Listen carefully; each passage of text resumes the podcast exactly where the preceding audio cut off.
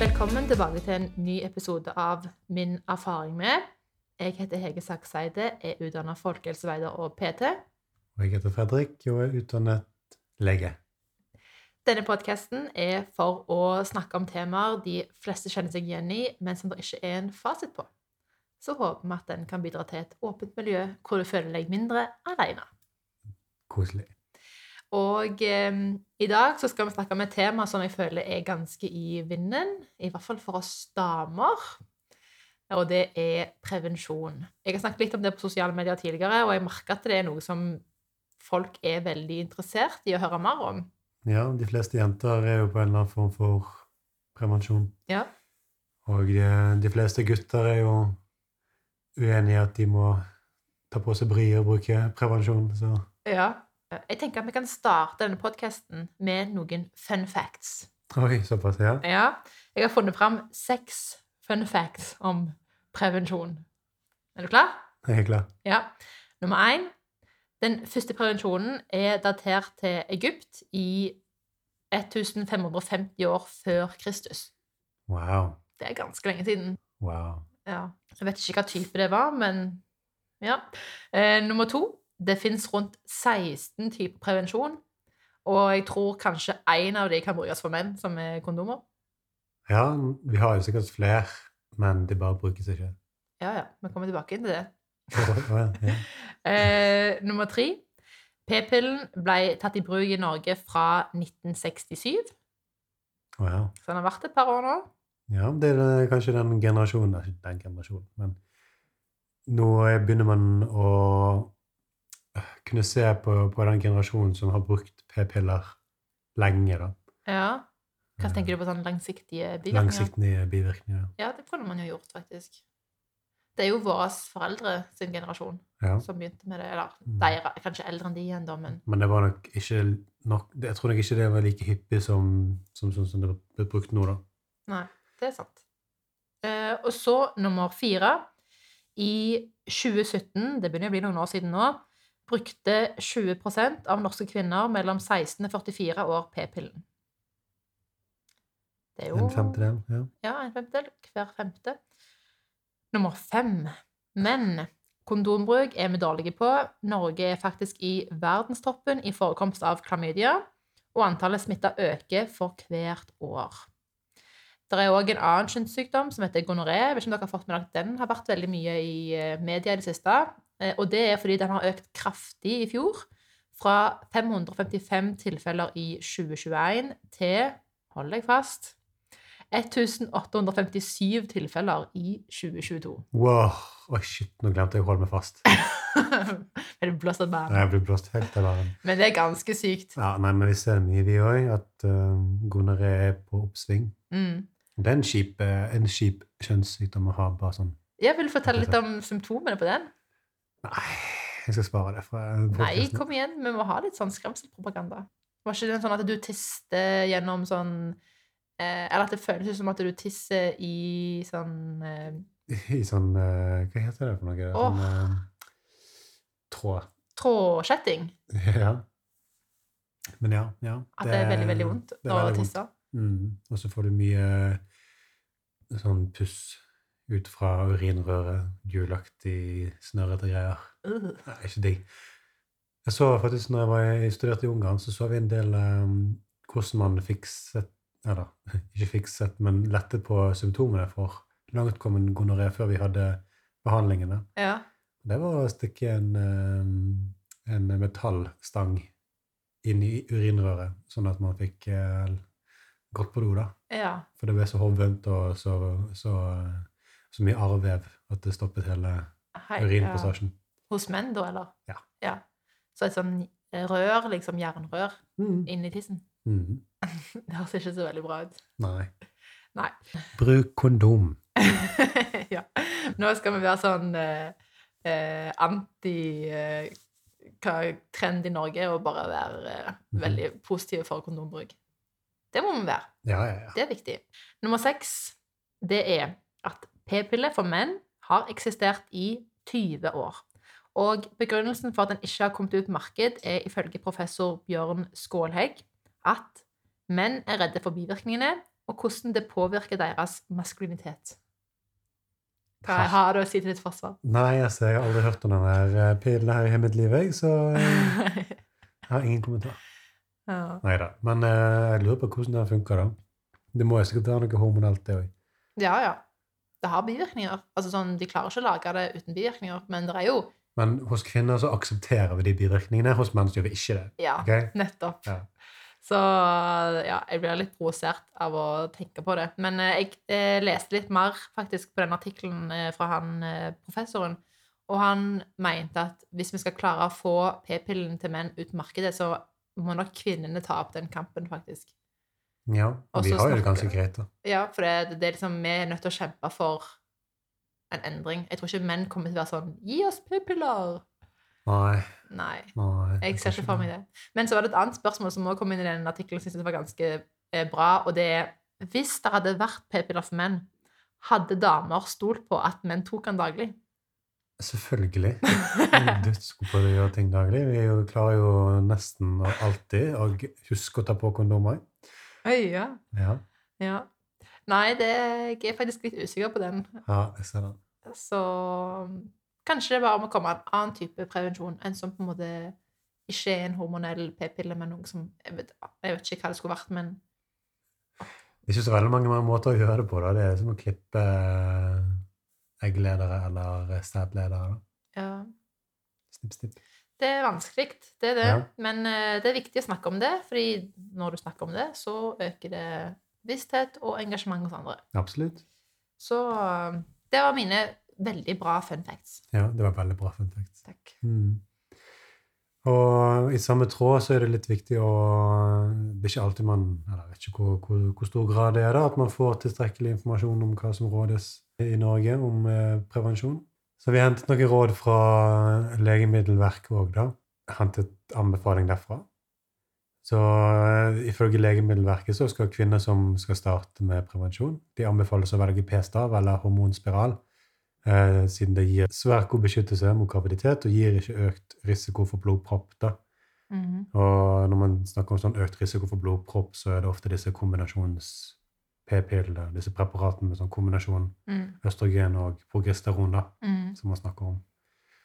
Og dersom kvinner ønsker å bruke en pille, er det rådet til å velge en østrogenfri pille. Eh, da heller den ikke gir økt risiko for blodpropp. Men eh, disse progesteron hovedsakelig eller disse som er hovedsakelig laget med sånn progesteron, da, Mm. eller progesteronanaloger, de eh, er mer knyttet til blødningsforstyrrelser sammenlignet med kombinasjonspiller. Mm. Det kan jeg skrive under på. Fordi jeg har hatt eh, p-stav, ja. og det er jo en sånn østrogenfri Ja. Og jeg blødde hver dag i et halvt år. Ofte. Ja. ja. Så Og det vet jeg at mange sliter med òg. Så det er jo Jeg vet ikke helt om jeg syns det var så veldig bra at det anbefales p-stav. Jeg vet at det, der finnes de som det fungerer greit for, men jeg føler at det oftest er tilfeller av at det ikke fungerer så bra. ja. Men så hormonspiral, den, det vet jeg ikke. Jeg har hørt veldig gode erfaringer på det, faktisk. Det kan være at det er egentlig en veldig fin løsning. Sånn som jeg har forstått det, så er på en måte hormonene litt mer sånn At de er i et område istedenfor i hele kroppen, Ja. som kan være bra, at du får mindre bivirkninger. ja. Og i tillegg så slipper du å tenke på det med å ta det hver dag, da. Ja, jeg tror det har sikkert noe å si med at det er hormoner lokalisert i et område der de skal, der de skal være, da, for å si det sånn. Mm. Interessante råd, egentlig. Det var veldig lite råd, egentlig. Ja, det er det. Man, eh, man bringer ikke opp sånne generelle råd om potensielle bivirkninger som man har sett, eh, eller som har blitt beskrevet veldig mye om økt tendens til depresjon og humørsvingninger og slikt da, Mm. i disse generelle rådene. Nei. Men eh, jeg er usikker i hvilken grad kvinner blir fortalt om sånne type bivirkninger når de, når de kommer første gangen da, Ja. og ber om p-piller. Mm. Og av og til så ser man at p-piller gis i sammenheng med behandling av kviser òg, Mm. som er litt sånn Det er en veldig stor behandling å gi for et i, Sett i det store og det hele et lite problem som har andre måter å behandles på. da. Ja, jeg har faktisk eh, hørt litt om akkurat det tilfellet der. Altså sånn, Jeg er jo et tilfelle av det sjøl, det kommer jeg Ja. tilbake igjen til. Men jeg har lest en bok som heter Beyond the Pill av dr. Jolene Brighton, hvis dere er interessert i å lære mer om dette. Men hun snakker litt om det at det er veldig mange unge som får p-piller altså som en kvisebehandling. Men problemet er at p-pillen veldig ofte bare kamuflerer problemet. Ja. Sånn at når en slutter igjen på p-pillen, så er jo ikke problemet blitt løst opp i. Og en får veldig ofte tilbakefall på de krisene. det er det. Du får, du får, de sier vel egentlig det at du får tilbakefall. Ja, Hvis du bruker p-piller som behandling for kviser, så får du tilbakefall når du slutter. slutter med pil igjen. Så det skal jeg snakke mer om etterpå, tenker jeg. Ja, Ja. Men så er det jo sånn, når du skal få p-piller av legen, så er det jo litt sånn screening i forhold til blodpropp i familien. Så det er jo liksom, det er jo et par tilfeller de går gjennom, men det er vel Ja, kanskje litt men det er med sånn... kombinasjonspiller som regel. Oh, ja, ja. Så det, da snakker man om familiehistorikk med blodpropp, og om man har hatt noe, helst, som, noe som helst form for blodpropp før. Mm. Og diabetes tror jeg faktisk har en indikasjon, eller at man spør om. Ja. Og eh, fedme. Mm. Eh, til forskjellige BMI-klassifikasjoner. Ja. Det, det er jo en kontraindikasjon da, for å Mm. bruke kombinasjonspreparater. Ja, så det, det er jo egentlig mye man skal sette seg inn i, da, men jeg vet ikke hvor, hvor mye man blir satt inn i når man er 15 år. Spør om prevensjon. Nei, det er ikke så mye. Nei. Det er det ikke. Um, jeg har òg funnet fram eh, noen ting som jeg syns er veldig interessant i forhold til dette med bivirkninger av p-piller, da. Som en ikke snakker så veldig høyt om. Eh, det her er henta fra en nettside som heter psykologisk.no. Eh, det er fra den samme artikkelen som jeg nevnte i stad, med mannlig p-pille. Ja. Jeg fant det i sammenheng med den uh, funfacten av han professoren. Mhm. Men det står i hvert fall at p-piller for kvinner påvirker hormonsystemet og hormonsyklus i kvinnekroppen. Dette har vist seg å være skadelig både fysisk og mentalt. Eh, I de verste tilfellene kan kvinner dø av blodpropp som følge av hormonene. Det er selvfølgelig sjeldent, men det skjer. Eh, I nyere forskning har de funnet ut at kvinner som starter med hormonell prevensjon når de er mellom 15 og 19, har en 80 høyere risiko for å utvikle depresjon. Det er ganske mye. Ganske betydelig. ja. Eh, og så er det også litt sånn i forhold til at langtidsbruk kan øke sannsynligheten for brystkreft og, an og annen kreft. Risikoen øker desto lenger man har brukt pillen. Og så vil jeg også bare nevne at det, det er sikkert mange som på en måte vil kontra den med at det, å bruke p-piller lenge reduserer faktisk også risikoen på enkelte kreftsykdommer. Ja. Så det er liksom sånn du vinner og taper litt der. ja. Eh, men eh, allikevel En ting som jeg har stilt spørsmål til i seinere tid, er jo Si når du får p-piller når du er 15 år, sånn som jeg gjorde. Du har så vidt kommet i gang med puberteten, og så begynner du å klusse med hormoner. Mm. En vet jo ikke på en måte hva, liksom, hvordan det forstyrrer eh, kroppen. Nei, altså de, de bølgene og dalene som er i hormonnivåene, Mm. som en del av puberteten, de er jo der av en grunn. Mm. Og det er nok en betydelig funksjon det har på å utvikle hjernen på riktig måte, utvikle kroppen på riktig måte. Mm. Så at når man tar fullstendig overstyring av det, da Mm. Det er noe som kopierer en, en syklus på en måte, da, men det er jo ikke, Ja. det er ikke de naturlige horm- hormonene som du produserer sjøl. Nei. Og det er bare det er, bare, altså det er laget for å ligne på en syklus, men det er ikke en syklus. Stemmer det. Og sånn, en ting som jeg har merka sjøl, det er jo at jeg ikke har hår under armene, så å si. Og det er jo selvfølgelig det er jo helt greit. Jeg skal ikke klage. eh, men eh, hvis jeg tenker litt mer sånn i det store bildet, så får det meg jo til å tenke om det kan ha forstyrra noe annet. Sånn, det her med hårene de kan jeg jo på en måte fysisk se, men det er jo mange ting i kroppen som jeg ikke kan se. Er det noe som på en måte kan ha blitt forstyrra på samme måten? Det vet jeg jo ikke. Nei. Det vil jeg jo Ikke kanskje jeg heller. Nei, ikke du heller. Nå vet jeg at vi høres veldig negative ut, og det er jo fordi at vi er litt pessimistiske begge to, men jeg vil bare òg si før vi går videre, at for mange fungerer hormonell prevensjon kjempebra. Det er veldig variert hvordan de fungerer. Eh, Og hvis du trives med den prevensjonen du bruker, så syns jeg du skal fortsette med det. Ja, ja. Det gjort mye store fremskritt nå med, med at man kan benytte seg av prevensjon da, i, Mm. i, sånn, i sammenheng med, sånn, med, med kvinners rettigheter. Mm. Styre over sin egen kropp og kunne kontrollere dette her med fruktbarhet Mm. eh, på egen hånd. da. Eh, så det, det har vært veldig viktig for kvinners autonomi. da. Ja. Altså evne til å styre over seg sjøl. Så Mm. det er veldig veldig positivt at det har kommet. Men eh, jeg tenker med alt så skal man ha et litt sånn kritisk Man skal tenke litt kritisk på, på ting som skal være en så stor del av livet ditt. da. Absolutt. Eh, det eneste som på en måte er verdt å nevne der, er at eh, i fjor eh, så var det på en måte veldig mye snakk om hormonell prevensjon på sosiale medier. Blant annet store profiler fortalte at de slutta. Og samme året så så vi, eller vi, så viser statistikken at det har vært flere tilfeller av abort. Eh, som betyr at mange har nok kanskje slutta på p-piller eller en annen hormonell prevensjon, og ikke bytta det med en annen sikker prevensjon, da, eh, som har ført til mer abort. Ja. Eh, Så det er veldig viktig at hvis du blir påvirka av det du hører i denne podkasten, og bestemmer deg for at du vil slutte, så må du for all del benytte deg av sikker prevensjon. Og jeg vil personlig ikke anbefale den der type naturlige trackingen av syklus, fordi det er altfor risikabelt. Jeg vet at det er mange som snakker høyt om det og syns det er bra, men jeg vet at det er ganske vanskelig å få til skikkelig, og kroppen er ikke nødvendigvis så forutsigbar som du tenker.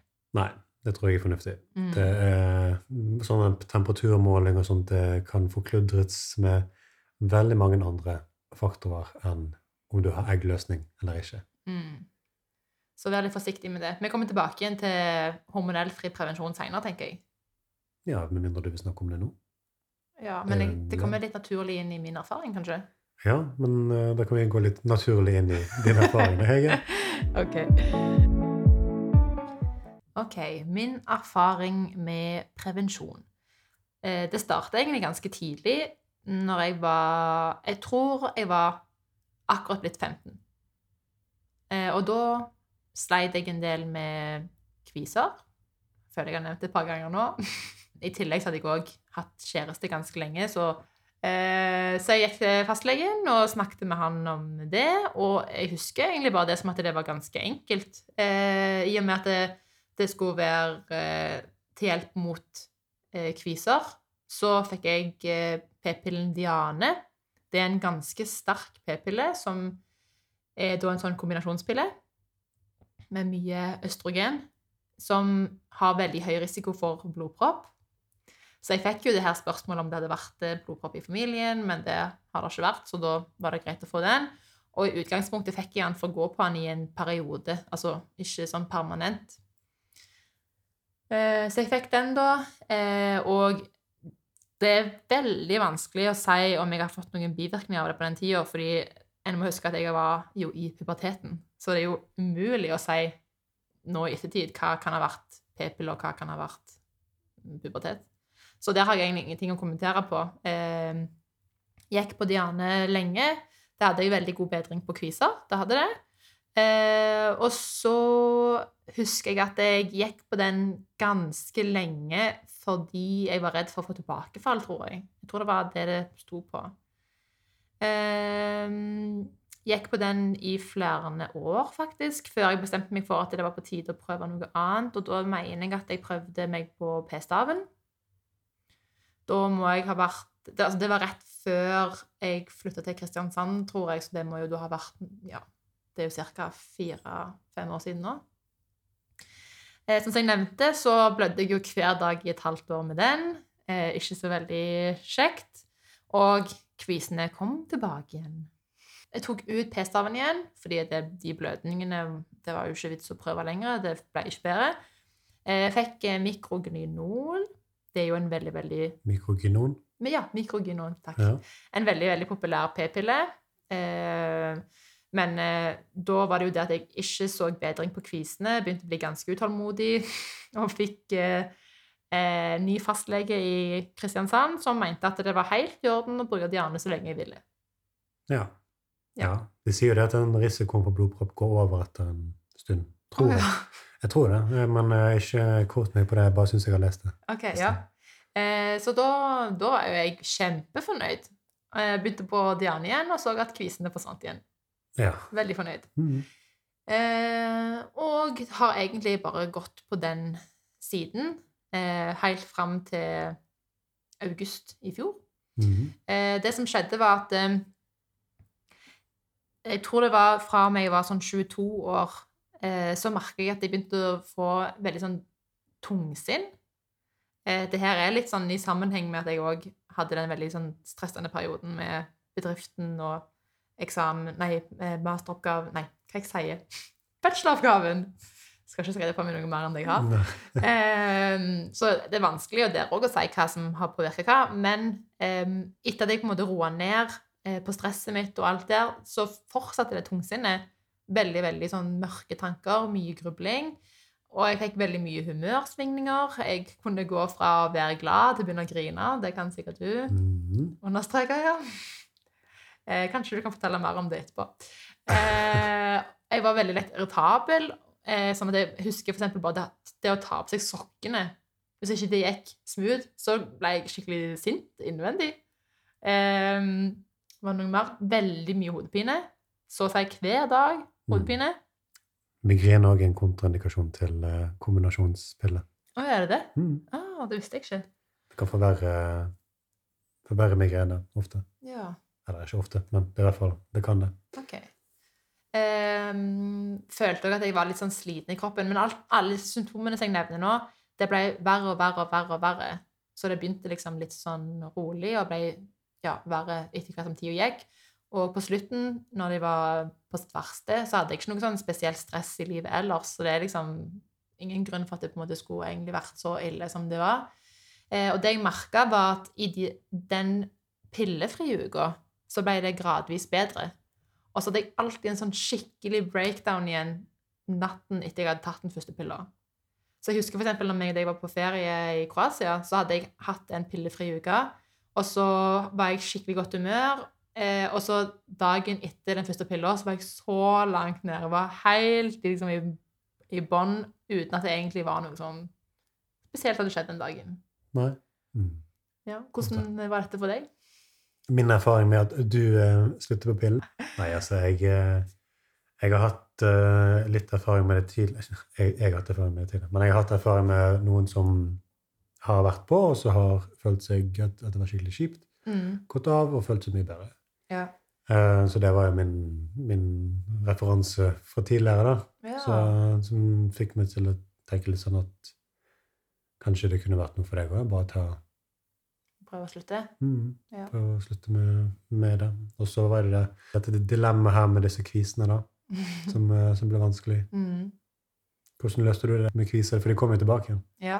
Eh, vi kan kanskje bare fortsette der jeg slapp. Det var i hvert fall sånn at jeg eh, forsto at det hadde noe å si når jeg gikk på piller og ikke, mm. i forhold til mensen. Og så var det en sånn skikkelig sånn magefølelse også på som bare sa ikke ta et nytt brett. Sånn, for hver gang jeg tok et nytt brett, så var jeg egentlig sånn Dette her er ikke riktig. En veldig sånn sterk magefølelse på at det var på en måte feil for kroppen. Eh, så ble jeg bare sånn Nå er det siste brett. Jeg tar ikke mer nå. Eh, som da var i august. Eh, og jeg merka veldig raskt forskjell. Jeg har lest på nettet at eh, p, altså, hormonene fra p-pillene forsvinner fra kroppen innen et par dager. Som igjen forklarer hvorfor det føltes bedre i de pillefrie ukene.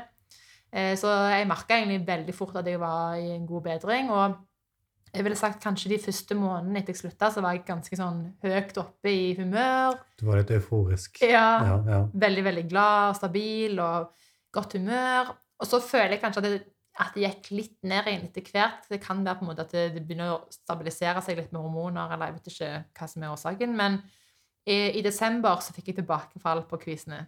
Og da kom det tilbake igjen som om jeg var tenåring. altså. Det kom på ryggen, og det kommer masse i ansiktet, spesielt sånn rundt kjeven, for det er veldig typisk for hormonell akne. ja. Eh, og det ordnet seg egentlig med at eh, en kombinasjon Jeg fikk eh, litt sånn retinol. Det er en ting som kan hjelpe eh, på urein hud. Regi av din fastlege. ja. Doktor Bjelland. Og så Ja, det hjalp kanskje litt, men jeg følte det kom veldig tilbake igjen. Så jeg har gjort så mye research for å prøve å finne ut hva jeg kan gjøre for å liksom, fikse det.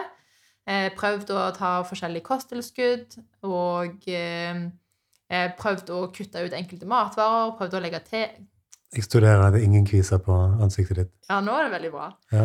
um, ja, så Det som har funka til slutt, nå skal dere høre, det var blant annet sink. Skulle ikke tro det, men det har fungert kjempebra. Eh, og å gå gjennom alle produkter jeg bruker i ansiktet, og sjekke at de ikke inneholder ingredienser som tetter porene. Mm. Eh, og nå regner jeg med at det har hatt en effekt, men jeg har ikke brukt proteinpulver på lenge. Og proteinpulver er, sånn, ifølge studier, en ting som kan fre eller som fremme kviser. Ja. Så jeg må nevne det òg. Eh, jeg vet òg at eh, mange anbefaler å kutte ut melkeprodukter. Jeg spiser melkeprodukter, men jeg drikker ikke melk. Proteinpulver er jo veldig Veldig konsentrert meieriprodukter, ja. Ja, så du kan kanskje ha en sammenheng med det, da? Mm. Kanskje? Det Jeg er, ikke hvordan mekanismen der funker, men det er jo det at eh, meieriprodukter inneholder en del hormoner. ja. Så derfor så kan det på en måte forstyrre hormonene i kroppen hvis du spiser veldig mye. Altså drikker melk, ja. Ta proteinpulver. Eh, men jeg vet også, hvis jeg skal ha litt mer eh, kjerringråd, eh, så vet jeg òg at eh, grønn te det kan være veldig bra å ta en kopp daglig. Redusere koffein kan være veldig bra. Eh, sukker er jo nummer én på å få sånn eh, glukogenspike. Sa jeg riktig? Glykogen? Ja, sånn Ja, altså du får blod, blodsukker. spikes. Ja, ja. og det kan gjøre at du får kviser. Og sånne raske karbohydrater. Det virker som du syns det er tilfellet for, for deg, da. For jeg, jeg husker du kommenterer det sånn hvis du har spist mye snop en dag. Ja. Jeg, har merket, jeg merker det dagen etter hvis jeg har spist veldig mye sukker eller drukket alkohol. Men nå, så nå når jeg har um, begynt med den sinken og vært flinkere med produktene jeg bruker, så har jeg ikke opplevd det. Eh, sånn som nå hadde jeg nettopp mensen, og da slapp jeg unna med tre bitte små kviser. Mm. Så veldig veldig takknemlig for at jeg har funnet ut av det. Så de kosttilskuddene som jeg tar nå, som jeg tar pga.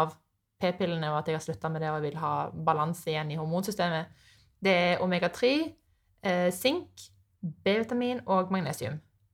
Ja. Alle de fire tingene vet jeg at det, det blir snakket om i den boken. Er det noen grunn til at uh, du har magnesium ved siden av sengen på nattbordet, og de andre et annet sted? Jeg vet at det- magnesium er bra å ta før du legger deg.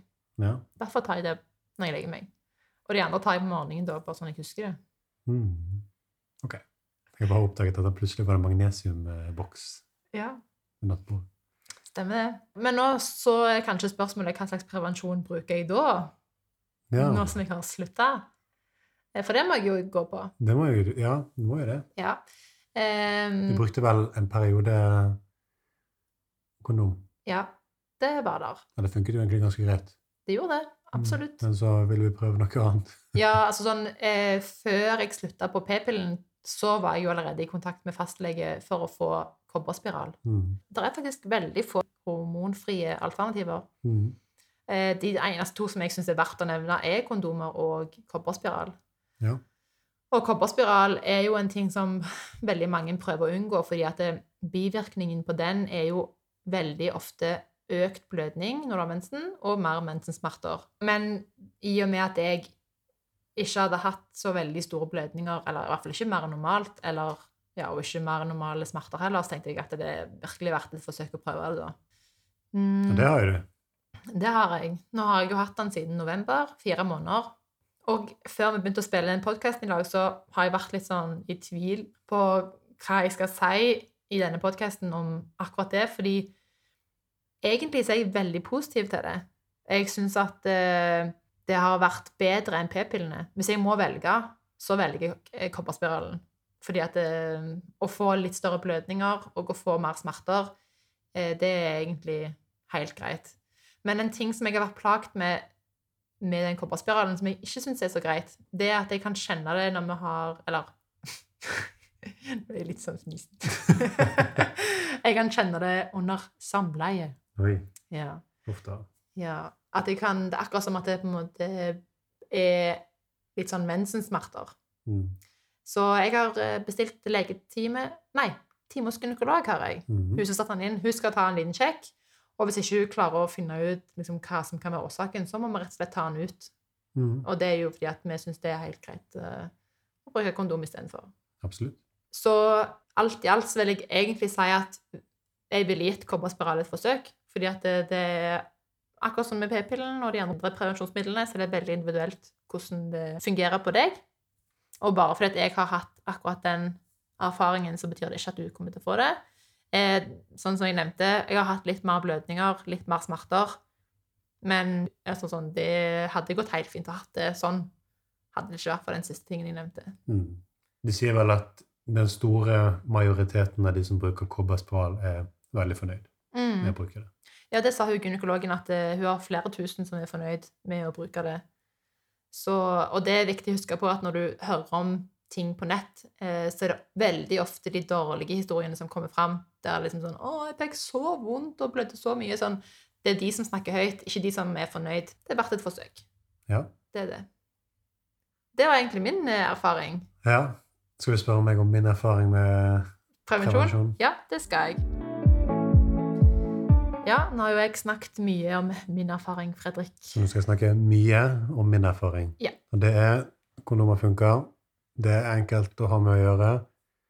Eh, Finn riktig størrelse, og så er det good. Mm. Det er jo egentlig bare det. Ferdig! Ferdig. og så beskytter det mot uh, kjønnssykdom. Ja. Og det gjør ikke piller. Nei. Eller spiraler. Mm.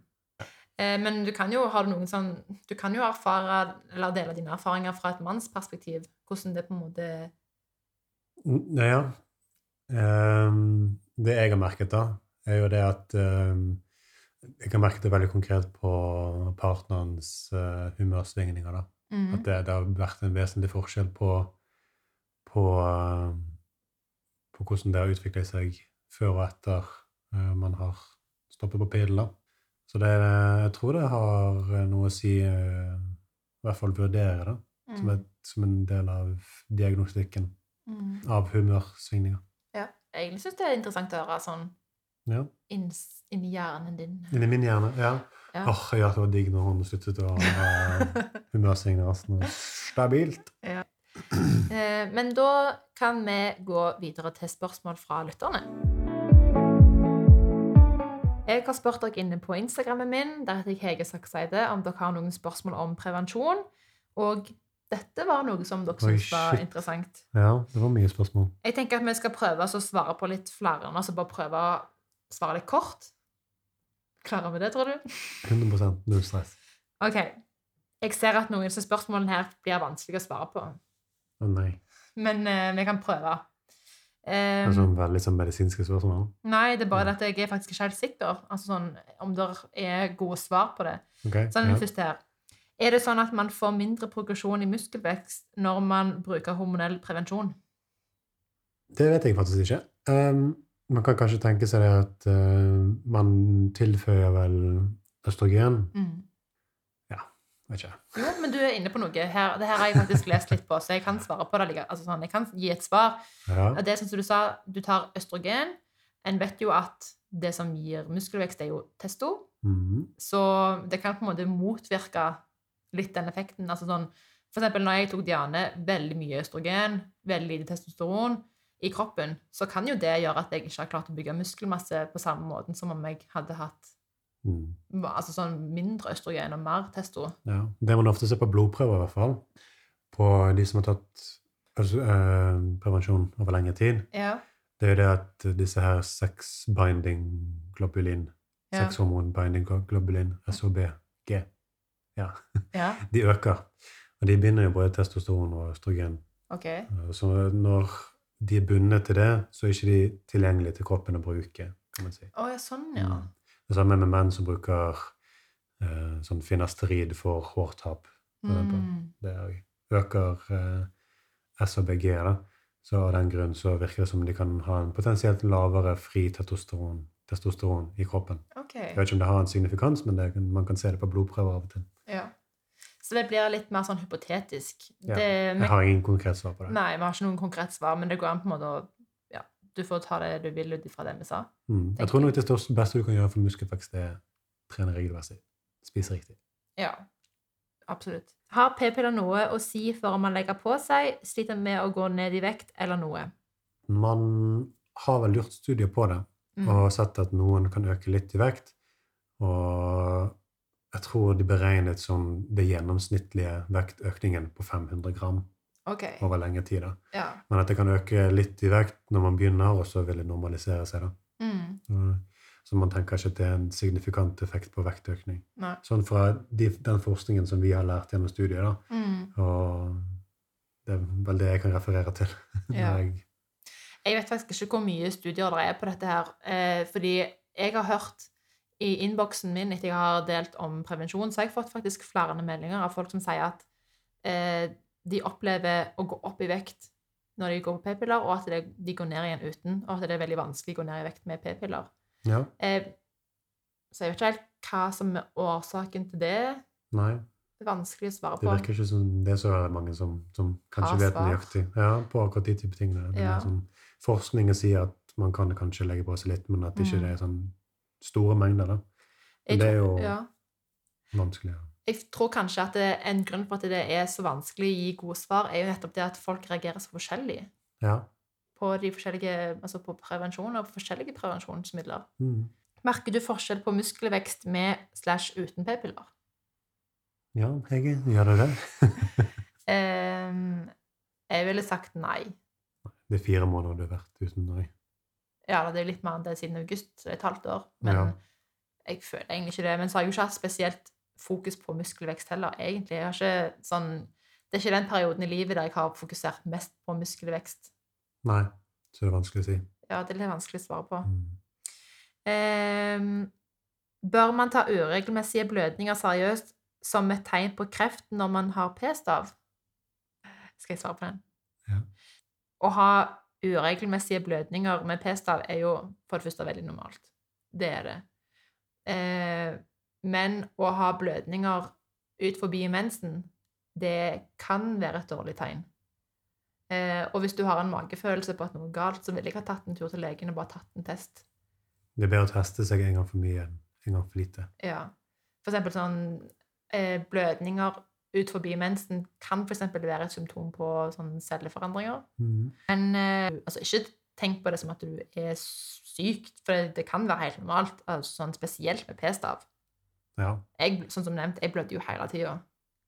Men hvis det på en måte er veldig sånn eh, at du egentlig har mensen regelmessig, men du har blødninger litt sånn innimellom, så vet jeg ikke. Ta en tur til legen. Mm. Det er mer Da, da ville jeg tatt, tatt en tur til legen bare for å fått en vurdering. Mm. Eh, siste spørsmål. Er kondomer trygt? Ja, det er faktisk det. Ja, det er Med det. mindre du har lateksallergi. Da kan det være litt ubehagelig. Men Mm, Ja, det skal være veldig trygt. Og det eneste som jeg kom på der, det er sånn eh, Jeg håper ikke noen tenker det den dag i dag, men å legge sånn dobbelt lag for å være safe, det funker altså ikke. Det virker mot sin hensikt, for da, Mm. da er det friksjon mellom eh, gummien som kan skape hull. Så ikke ta på dobbelt lag. veldig bra, Hege. Ja. Og selvfølgelig at du passer på at du finner en som passer til deg. Altså sånn, Ja, det er men- forskjellige størrelser. Ja, det er altså det er det, hvis du finner en som, som ikke kjennes bra ut, så finnes det forskjellige valg Ja. å benytte seg av. Ja, prøv deg litt fram. Ja. Vi skal gå over til våre siste råd til deg som lytter.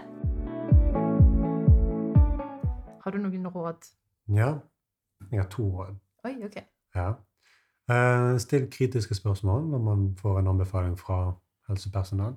Mm. Sånn ikke vær redd for å bare stille spørsmål om slags behandling du får, Mhm. eh, hva eventuelle bivirkninger vil være, hvordan skal du følge opp eh, bivirkninger i framtiden, mm. hvilke alternativer finnes.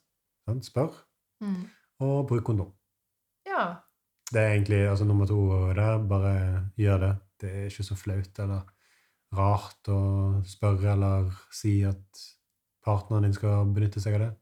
Jeg syns det er veldig voksent. Jeg. Hvis det skulle på en måte vært et sånt tilfelle at en mann har det med seg, så føler jeg at det er veldig voksent. Og er liksom sånn et grønt flagg, da. Ja. Og så er det eh, egentlig veld, veldig viktig nå, for vi har oppsving i, um, i kjønnssykdommer, og Norge, er, eller nordmenn i utlandet, er kjent for å dra med seg klamydia overalt. Så vi har et rykte på oss faktisk i utlandet, Mm. har jeg lært. Om det, ja. Ja, Ikke koselig. bra. Ja, det er litt flaut. Ja, så Skjerpings, folkens. ja, skjerpings. Faktisk skjerpings. Så Hege, har du noen, eh, noen gode råd å komme Ja. med? OK. Eh, litt vanskelig å summarisere alt jeg har sagt, men jeg tenker i hvert fall at um, nummer én Hvis du vil ha prevensjon fordi du sliter med urein hud, så ville jeg heller prøvd å fokusere på å fikse problemet. Sånn eh, Hvis du har urein hud, så er det et veldig godt signal for kroppen på at noe er feil. På innsida av kroppen, ikke på utsida, men på innsida. Eh, Det kan være at det er mangel av et eller annet, eller at det er hormonubalanser. Fokuser på det heller, sånn at du kan få rett opp i det som er en plage for kroppen. Nummer to Hva skal det være? Mm, Hør på din egen kropp. ja. Lytt, eller lytt til din egen kropp når det kommer til å ta avgjørelser for din egen kropp. Ja. Sånn, eh, det er veldig vanlig å bruke hormonell prevensjon, men det betyr ikke at du er nødt til å gjøre det. Og hvis du føler at det, det påvirker deg på en dårlig måte, så er det ingen som skal si at du skal gå på det. Jeg, det, jeg tror nok det er veldig mange jenter som kjenner litt på det presset med at det, du bør gå på det fordi det er liksom det som er lettest. Men det er ikke sånn det skal være. Jeg skulle i hvert fall ønske jeg visste tidligere at hormonell prevensjon har veldig mange bivirkninger som er mentale. Fordi det visste jeg faktisk ikke skikkelig før jeg lærte det. Eh, og jeg tror kanskje jeg kom over det via sosiale medier, sånn type en TikTok eller noe sånt. Veldig takknemlig for at jeg lærte det, for det ga meg kanskje litt mer guts til å slutte. Og jeg har det så mye bedre mentalt etter jeg slutta med det. Altså den, å slippe mye av den grublinga, eh, å slippe de humørsvingningene, er veldig, veldig bra. Jeg er veldig takknemlig for det. Så jeg skulle ønske at noen hadde snakket med meg om det tidligere. Så håper jeg at dette kanskje var til hjelp for noen av dere. Ja. Da vil jeg takke deg så mye for at du hørte gjennom denne episoden her. Og så snakkes vi igjen neste tirsdag. Neste tirsdag. Ja. Mm. Ha det bra. Ha det godt!